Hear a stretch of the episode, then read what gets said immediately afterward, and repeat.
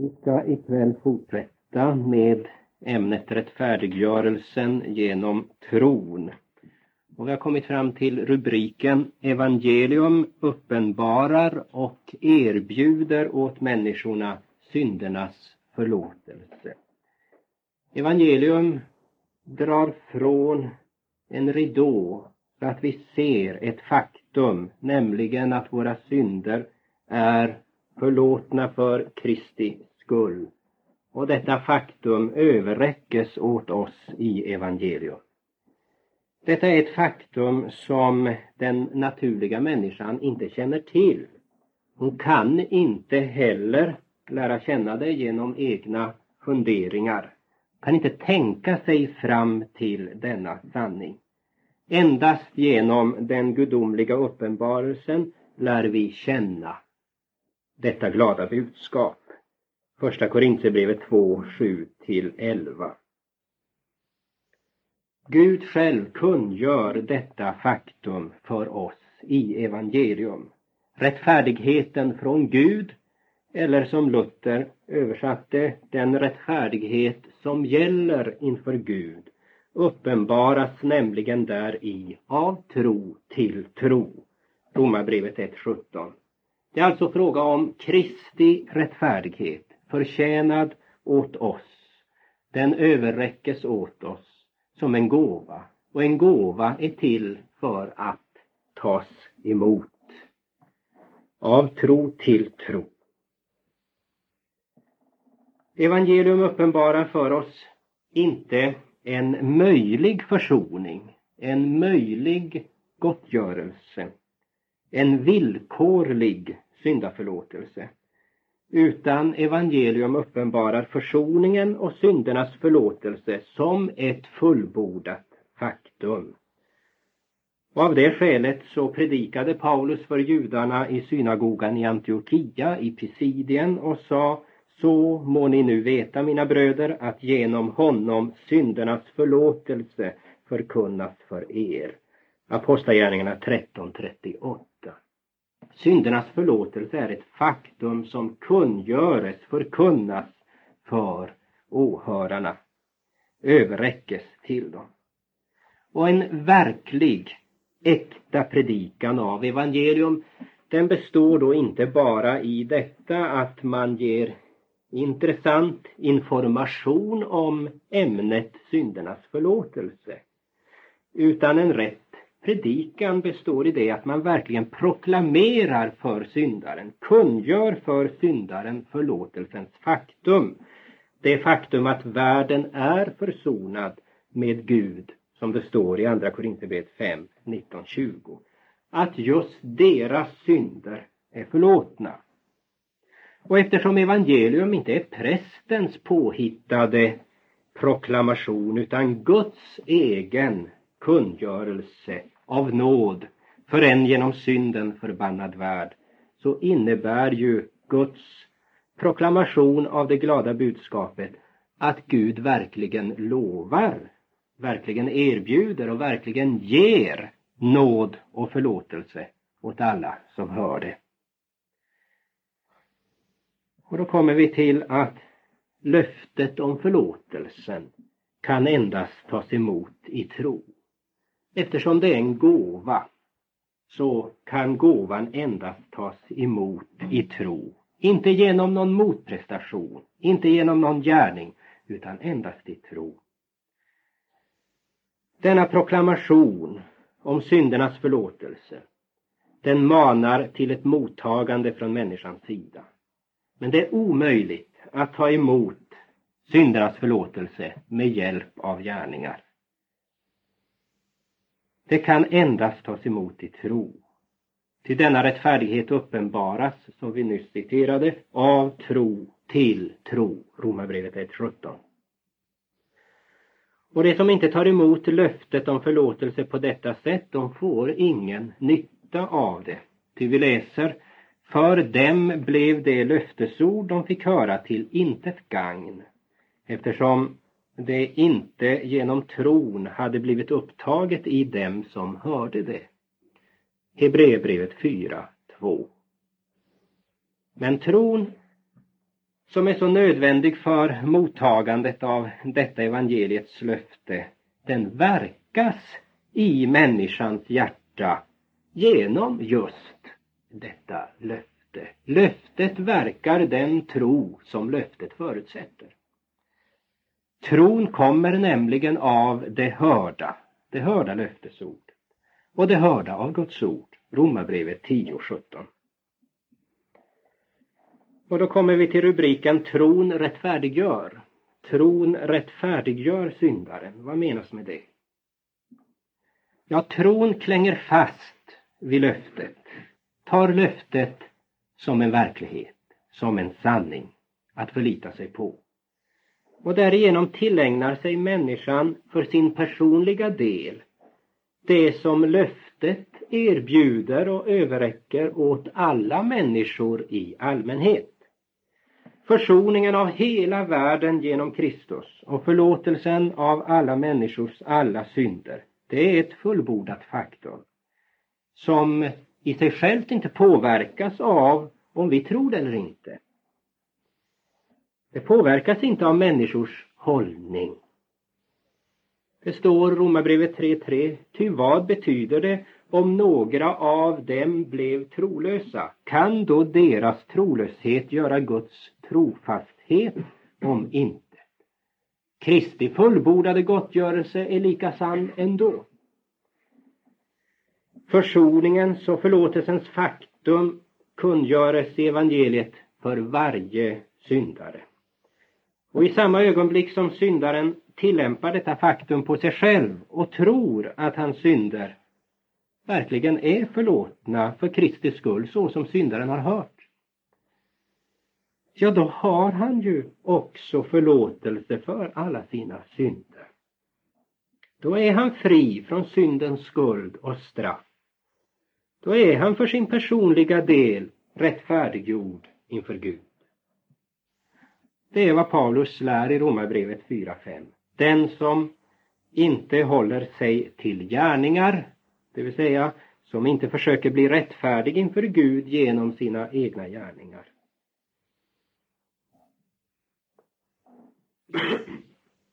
Utan tror på honom som rättfärdiggör den ogudaktige. Det vill säga förtröstar på Gud som för Kristi skull förklarar alla ogudaktiga rättfärdiga. Honom räknas hans tro till rättfärdighet.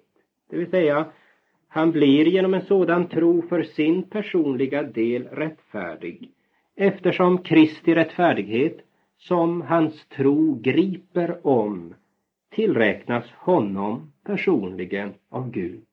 Det gäller faktiskt just dig. Och sålunda tar man genom tron emot som sin personliga egendom den rättfärdiggörelse som evangeliet erbjuder åt alla människor i allmänhet. Det är detta som kallas personlig eller subjektiv rättfärdiggörelse. Den förutsätter alltså att det finns en allmän gåva dela ut. Om vi säger till en hedning att Gud har förlåtit honom alla hans synder för Kristi skull, då presenterar vi helt enkelt ett faktum som en människas otro inte kan göra om intet. Men detta faktum kan endast tas emot i tro, sa vi. Och denna tro den förutsätter att man behöver syndernas förlåtelse. Förutsätter ett ångerfullt hjärta och den består i tillit till och förtröstan på denna förlåtelse. Trons funktion är alltså helt instrumental i rättfärdiggörelsen. Man måste skilja på trons funktion i rättfärdiggörelsen och i helgelsen. I helgelsen är tron en aktiv kraft som skapar, producerar ett nytt liv. En ny trohet och kärlek till Gud och medmänniskor. Men vid rättfärdiggörelsen där är tron helt instrumental. Tron åstadkommer inte, producerar inte syndernas förlåtelse. Det är många som tänker sig det hela så att tron är också en orsak till rättfärdiggörelsen. Så att Gud kräver att vissa orsaker ska vara för handen för att han ska kunna förklara någon fri från synden och förlåten. Och då måste förstås Guds kärleksvilja vara där. Då måste för det andra också Kristi förtjänst vara där. Det förstår man. Men menar man, för det tredje så måste också människans nya kärlek och tillit vara där. Annars kan inte någon rättfärdiggörelse, dom uttalas av Gud. Men trons funktion i rättfärdiggörelsen är inte att skapa någonting. Utan trons funktion är att ta emot det som redan är ett faktum. Trons funktion är helt och hållet instrumental vid rättfärdiggörelsen. Den åstadkommer inte syndernas förlåtelse. Den förtjänar inte heller syndernas förlåtelse. Det är inte så att nu måste det till ytterligare någonting för att syndernas förlåtelse ska komma till stånd. Inte heller är det så att tron gör oss värdiga syndaförlåtelse. Och det är inte heller så att tron den påverkar Gud, den rör Guds hjärta så att han blir villig att förlåta våra synder. Nej, orsaken till Guds kärlek och nåd emot oss Nej, helt och hållet Kristi redan fullkomliga och fullbordade gottgörelse. Det är inte heller så att tron i rättfärdiggörelsen är ett villkor som vi måste uppfylla innan det finns någon förlåtelse att dela ut. Innan förlåtelsen är disponibel för oss. Nej, från Guds sida ägde ju förlåtelsen rum innan vi kom till tro. Ja, innan vi föddes. Vad Gud beträffar så grundar sig förlåtelsen uteslutande på att Kristus har gottgjort för alla våra synder. Ni kanske har, har hört talas om uttrycket den tredje orsaken. Det är ett uttryck som förekommer inom synergismen och synergismen i sin tur har tyvärr trängt djupt in i många kristna sammanhang sedan länge. Med den tredje orsaken menas att det måste vara en tredje orsak till att rättfärdiggörelsen kan komma till stånd. Rättfärdiggörelsen produceras inte bara av Guds ande och ordet, löftesordet, evangelium som överräcker åt oss rättfärdiggörelsen och genom detta överräckande och detta löfte upptänder tro på den gåvan. Utan det krävs en orsak till, nämligen vår avgörelse eller vår viljeförändring. Och om vi kommer till med denna tredje orsak, då först kan rättfärdiggörelsen skapas, produceras. Man kan också tala om den tredje orsaken, om man så vill, när man talar om vad är grundvalen för rättfärdiggörelsen. Och de som då talar om något tredje, de menar då att grundvalen är, är givetvis Guds kärlek och för det andra Kristi förtjänst. Men för det tredje också våran tro eller våran levande tro, våran trosförvandling. Men detta är ett allvarligt avsteg från Guds ord och en mycket farlig synergism. Grunden för rättfärdiggörelsen är uteslutande Guds kärlek och Kristi förtjänst. Och orsaken till rättfärdiggörelsen, den är uteslutande anden och ordet. Löftesordet som kommer till oss och proklamerar och ger åt oss syndernas förlåtelse.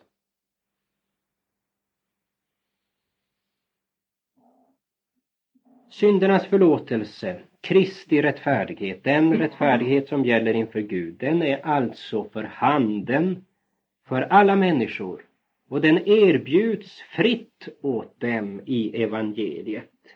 Det är en verklighet, något färdigt som överlämnas och proklameras. Precis som det står i liknelsen i Matteus 22, 1-14. Allting är nu redo. Bjud alla som ni träffar på, både onda och goda, heter det. Alltså, inte bara de goda, så att man kunde säga här finns det någonting att bjuda i och med att det finns goda människor. Då har någonting skapats som vi kan eh, komma fram med. Nej, både onda och goda. Men om Guds löften nu ska bli oss till gagn, ja då måste vi lita på dem. En utlovad gåva kan inte tas emot på annat sätt än i tro. Och i det ögonblick vi litar på gåvan, i tro förtröstar på Guds löfte, ja då tillämpar vi på oss själva och tillägnar oss det som löftet erbjuder. Och Gud han bekräftar för den som tar emot gåvan att gåvan är verkligen din. Den tillhör just dig. Den är din personliga egendom. Och på så vis rättfärdiggöres en människa genom tron, Romarbrevet 3.28. Omedelbart som jag accepterar de rikedomar som har erbjudits mig, ja då blir jag rik. Jag var visserligen rik dessförinnan, men jag hade ingen nytta av det. Jag var blind för det.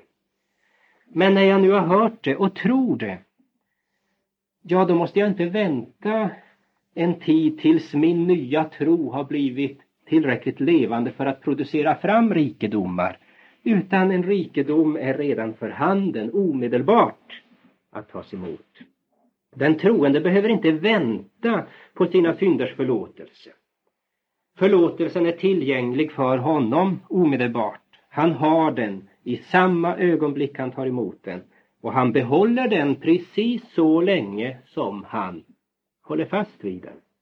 Han förlorar den så snart hans tro upphör, det vill säga så snart han genom otro förkastar gåvan. Det är ju genom tron som han höll fast vid gåvan. Och sålunda är alltså trons funktion i rättfärdiggörelsen helt instrumental. Tron tar emot och griper om med ett tillitsfullt hjärta vad Gud erbjuder i evangeliet.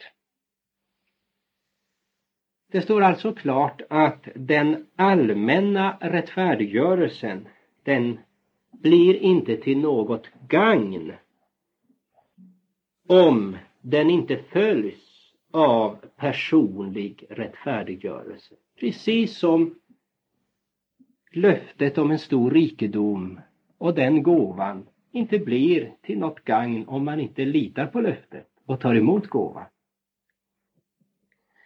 Med andra ord, det faktum att Gud har förlåtit alla människors alla synder, det hjälper ingen enda om han inte accepterar detta i tro. Å andra sidan kan ingen tillägna sig förlåtelsen om synderna ännu inte är förlåtna. Det är lätt att förstå om vi tar en bild. Brödet kommer inte att ge oss liv och näring om vi inte äter brödet. Men vi kan ju inte äta brödet om det inte finns där. Så kommer vi till rubriken Rättfärdiggörelsen är en Guds domsakt. Rättfärdiggörelsen är en juridisk term. Rättfärdiggörelsen syftar inte på en inre förvandling i oss, en moralisk förvandling som åstadkoms inom oss med hjälp av någon ingjuten nåd, gratia infusa. Rättfärdiggörelsen är ett Guds domsutslag, en förklaring från Guds sida att vi är oskyldiga, vi är rättfärdiga. Och detta inte på ett oschysst sätt utan på schyssta eller rätta grunder därför att vår broder Jesus Kristus har gått gjort för just mig och dig ställföreträdande. Så när domsutslaget fälls, han är rättfärdig. Han frikännes. Han kan inte fällas. Så är det på rätta grunder, nämligen på den grundvalen att jag verkligen är oskyldig. Eftersom Kristi lydnad för precis allt i Guds lag räknas som om den vore min. Som om jag själv hade gjort det. Det är frågan om en tillräknad rättfärdighet. Det är alltså en domsakt, ett domsutslag som äger rum utanför syndaren. En domsakt genom vilken Gud i sin barmhärtighet för Kristi skull förlåter mig, avlöser mig från alla mina synder. Gud förklarar mig rättfärdig. Förklarar en syndare för rättfärdig. En som inte har någon egen rättfärdighet. Romarbrevet 4, 5 följande. Gud rättfärdiggör syndaren genom att tillräkna honom Kristi rättfärdighet. Låt oss citera ur Concordieformen. Vi tror, lär och bekänner att enligt den heliga skrifts språkbruk ordet rättfärdiggöra betyder avlösa, det vill säga frikänna från synd. Svenska kyrkans bekännelseskrifter, sidan 509. Och att det är på det viset är lätt att visa och det gör också bekännelseskrifterna. Man hänvisar bland annat till Matteus 12.37. Där står det Efter dina ord skall du dömas rättfärdig. Ja, så översätts det i kyrkobibeln. Ordagrant står det rättfärdiggöras. Det betyder alltså förklaras rättfärdig eller dömas rättfärdig. Och efter dina ord skall du dömas skyldig. På samma sätt förhåller det sig i Ordspråksboken 17.15. Den som friar den skyldige. Ordagrant så står det på hebreiska det verb som betyder rättfärdiggöra. Den som rättfärdiggör, alltså förklarar den skyldige för oskyldig eller rättfärdig. Och den som fäller den oskyldige, det är båda en styggelse för Herren. Vi ser alltså att det bibliska ordet rättfärdiggöra betyder att förklara rättfärdig, att frikänna, att avlösa, att förlåta. Rättfärdiggörelsen den är fullkomlig. Det ska vi stryka under härnäst. Rättfärdiggörelsen är fullkomlig. Nyligen har jag läst en bok där det framhålls att rättfärdiggörelsen är inte fullkomlig. Den är delvis och gradvis och en pågående process. Och att man säger så beror ju på detta att man har blandat ihop rättfärdiggörelsen med något helt annat. Vårt nya liv, helgelsen, den är inte fullkomlig. Vår nya rättfärdighet, vår egen rättfärdighet, nya helighet, vår nya kunskap, den är ofullkomlig. Det brister i vår helgelse. Vår rättfärdighet är som en smutsig klädnad, står det. Men rättfärdiggörelsen handlar ju inte om min trosförvandling. Rättfärdiggörelsen är ju Guds domsutslag som talar om någonting som är fullkomligt därför att Kristi rättfärdighet är fullkomlig. Hans återlösningsverk är fullbordat för mig. Rättfärdiggörelsen är inte delvis, det är en hädelse att hävda att rättfärdiggörelsen är delvis partiell. Eller att rättfärdiggörelsen är ett växande. Nej, rättfärdiggörelsen är fullständig och fullkomlig. Och när vi griper om denna Guds nåd, rättfärdiggörelsen, Guds nådelöfte, förlåtelsen, ja då har vi verkligen inte bara förlåtelse till en del och för vissa synder. Vi har en verklig och full förlåtelse för alla våra synder.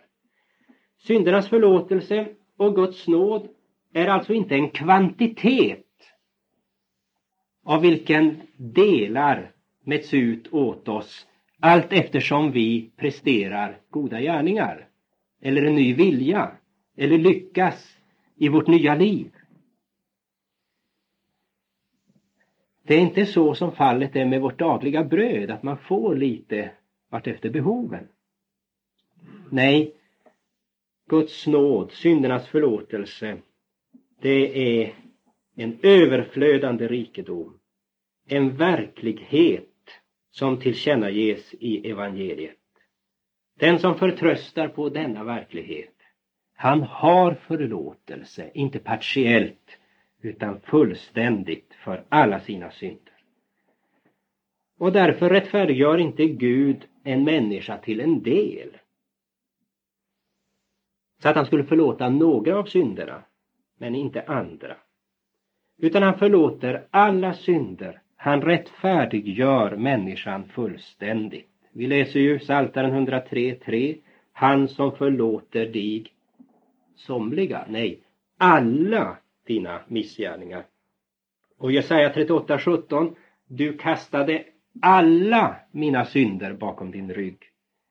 Och Kolosserbrevet 2.13. Han har förlåtit oss alla våra synder.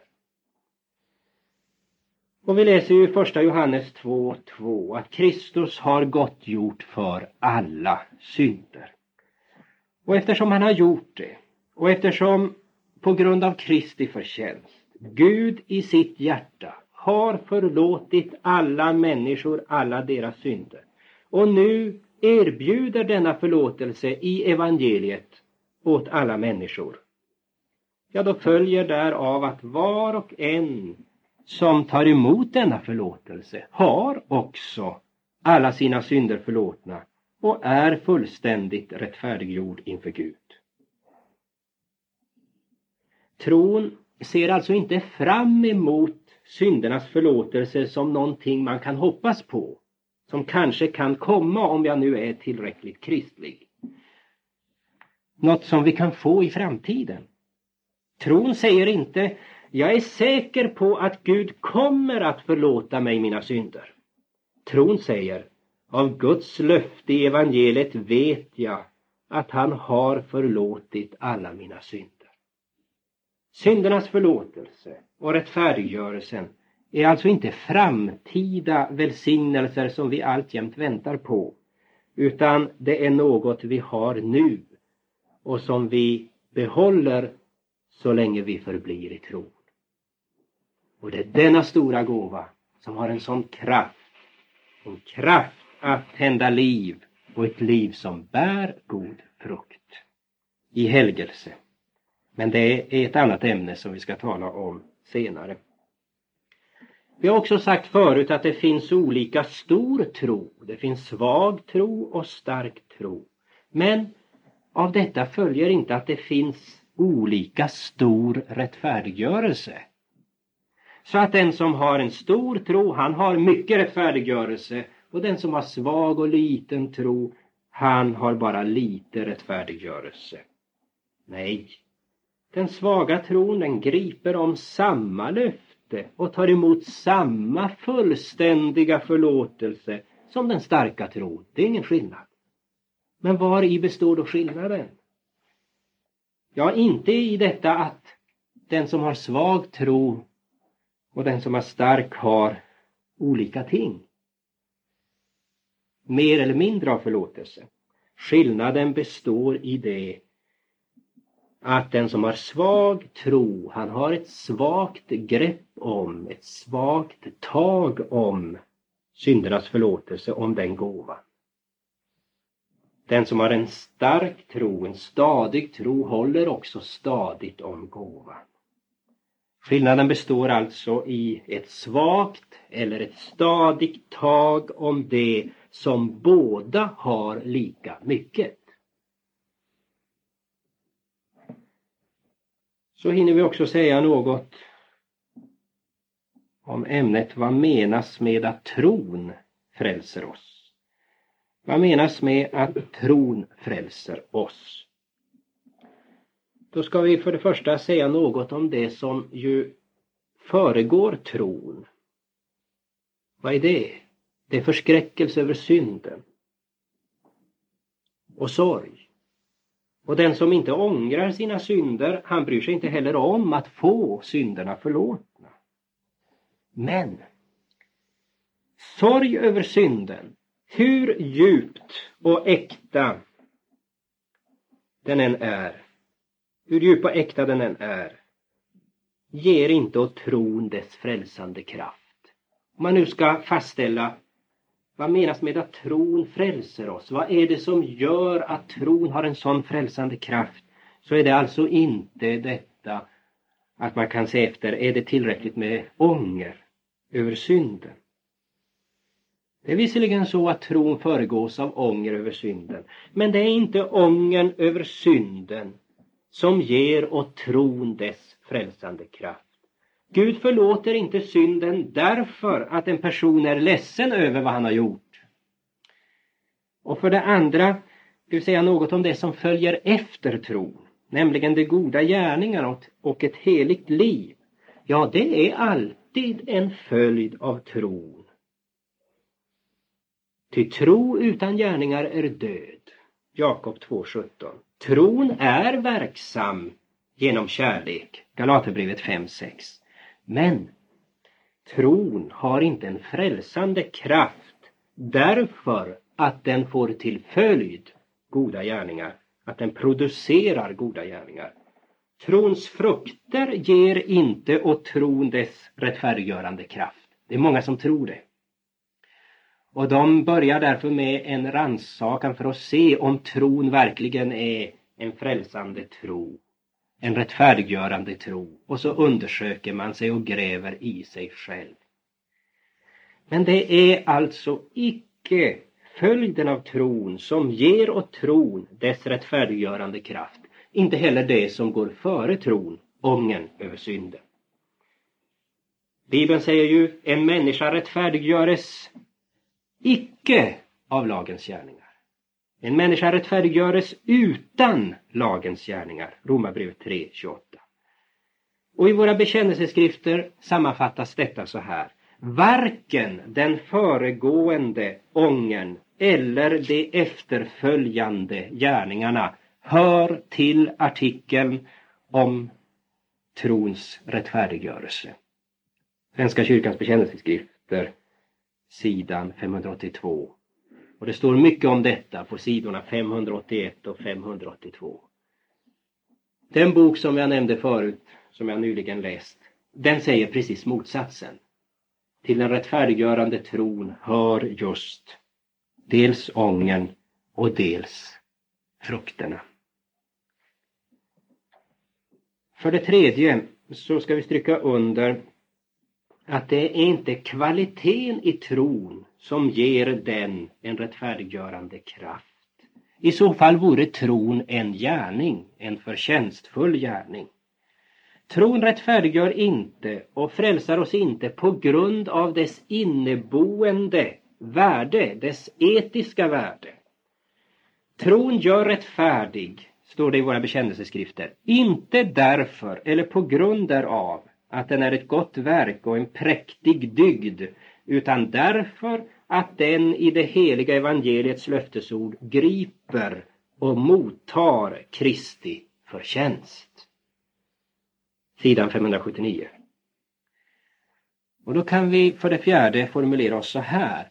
Det är inte ätandets akt utan den mat som vi äter som ger oss näring. På samma sätt är det inte trons akt utan vad vi tror som frälser oss. En falsk tro, den kan vara mycket allvarlig. Det kan vara en oerhört levande tro. Aktiv, levande, kraftfull tro. Men hur levande denna tro än är så kan den inte frälsa. En tro är inte falsk därför att den är inte något vidare aktiv och sann om den är riktigt levande och aktiv. En tro är sann om det man tror på är sant. Förtröstar på är sant. En tro, hur aktiv, hur levande den än är, den är falsk. Om det är frågan om en levande tillit och förtröstan till någonting som är falskt. Och hur levande och aktiv och verklig och allvarligt menad är inte hedningarnas tro. Likväl är det ingen rättfärdiggörande tro.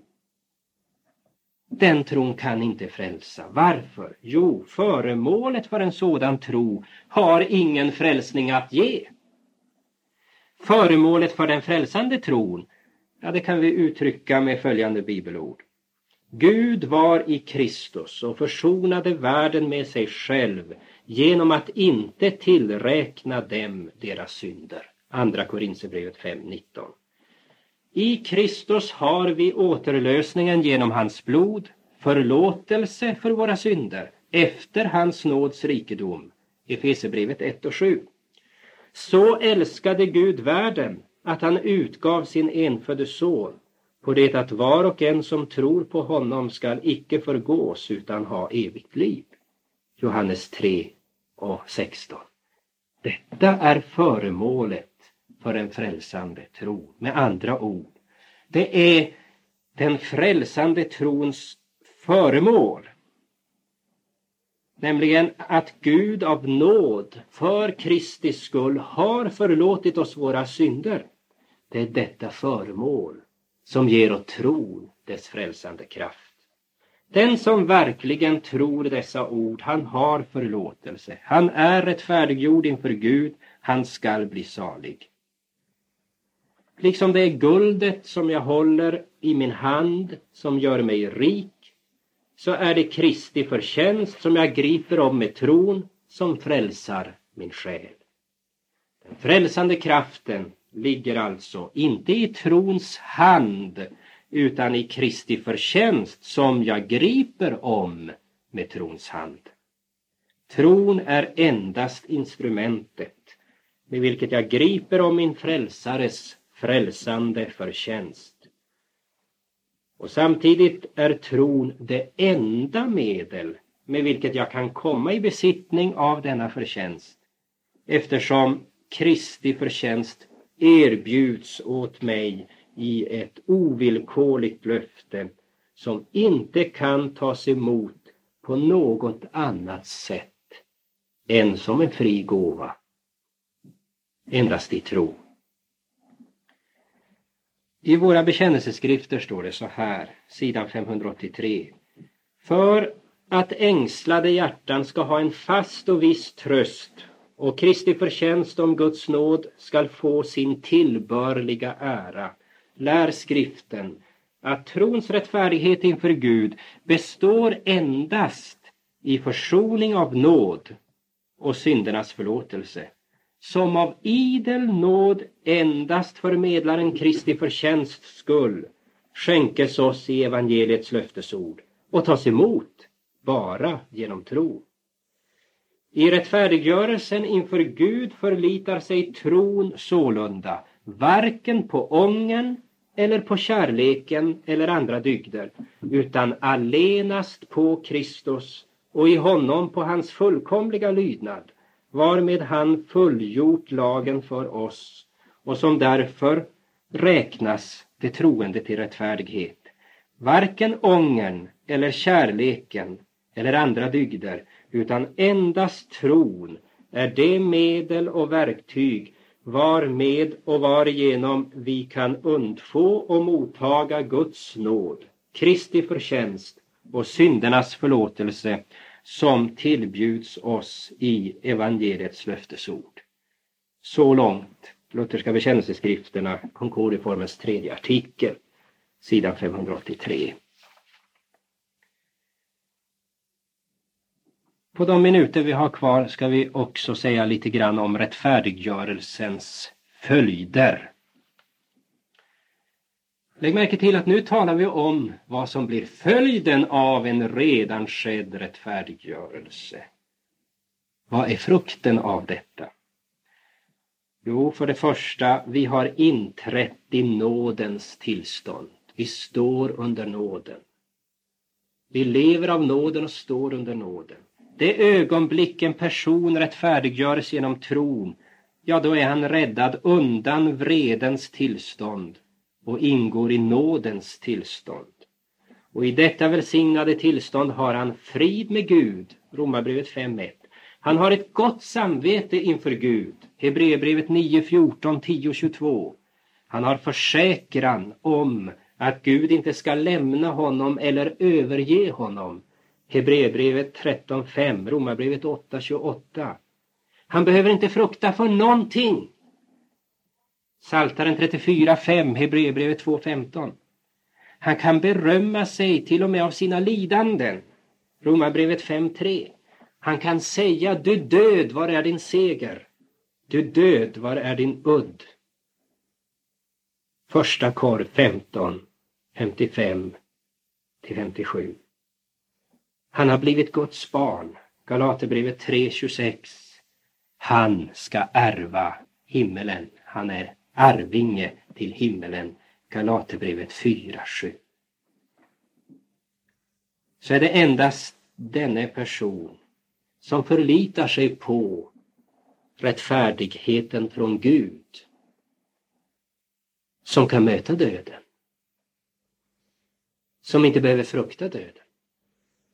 Och i detta nådens tillstånd förblir vi så länge vi förblir i tro. Men det ögonblick tron förloras, ja då förloras lika så gåva. Rättfärdiggörelsen, förlåtelsen, alla de välsignelser som är en följd därav. Detta är domen, vår otro, förkastelsen av den gåva vi har fått. Och vidare, följden av rättfärdiggörelsen är att vi har blivit medlemmar i den osynliga kyrkan i nådens rike och fått rätt till härlighetens rike. Genom att vi i tro mottagit syndernas förlåtelse har vi överflyttats till Guds sons rike, blivit delaktiga i den arvslott som det heliga har i ljuset. Kolosserbrevet 1, 12-14. Och eftersom vi är födda på nytt av Gud är vi Guds husfolk, Guds familj. Efesierbrevet 2, 19, 3.15. Rättfärdiggjorda genom tron tillhör vi det heliga samfund, det konungsliga prästerskapet, 1 Petri 2.9. Vi har rätt till härlighetens rike. Och fastän det kristna tycks mycket ringa i den här världen så har det genom tron en mycket, mycket hög ställning.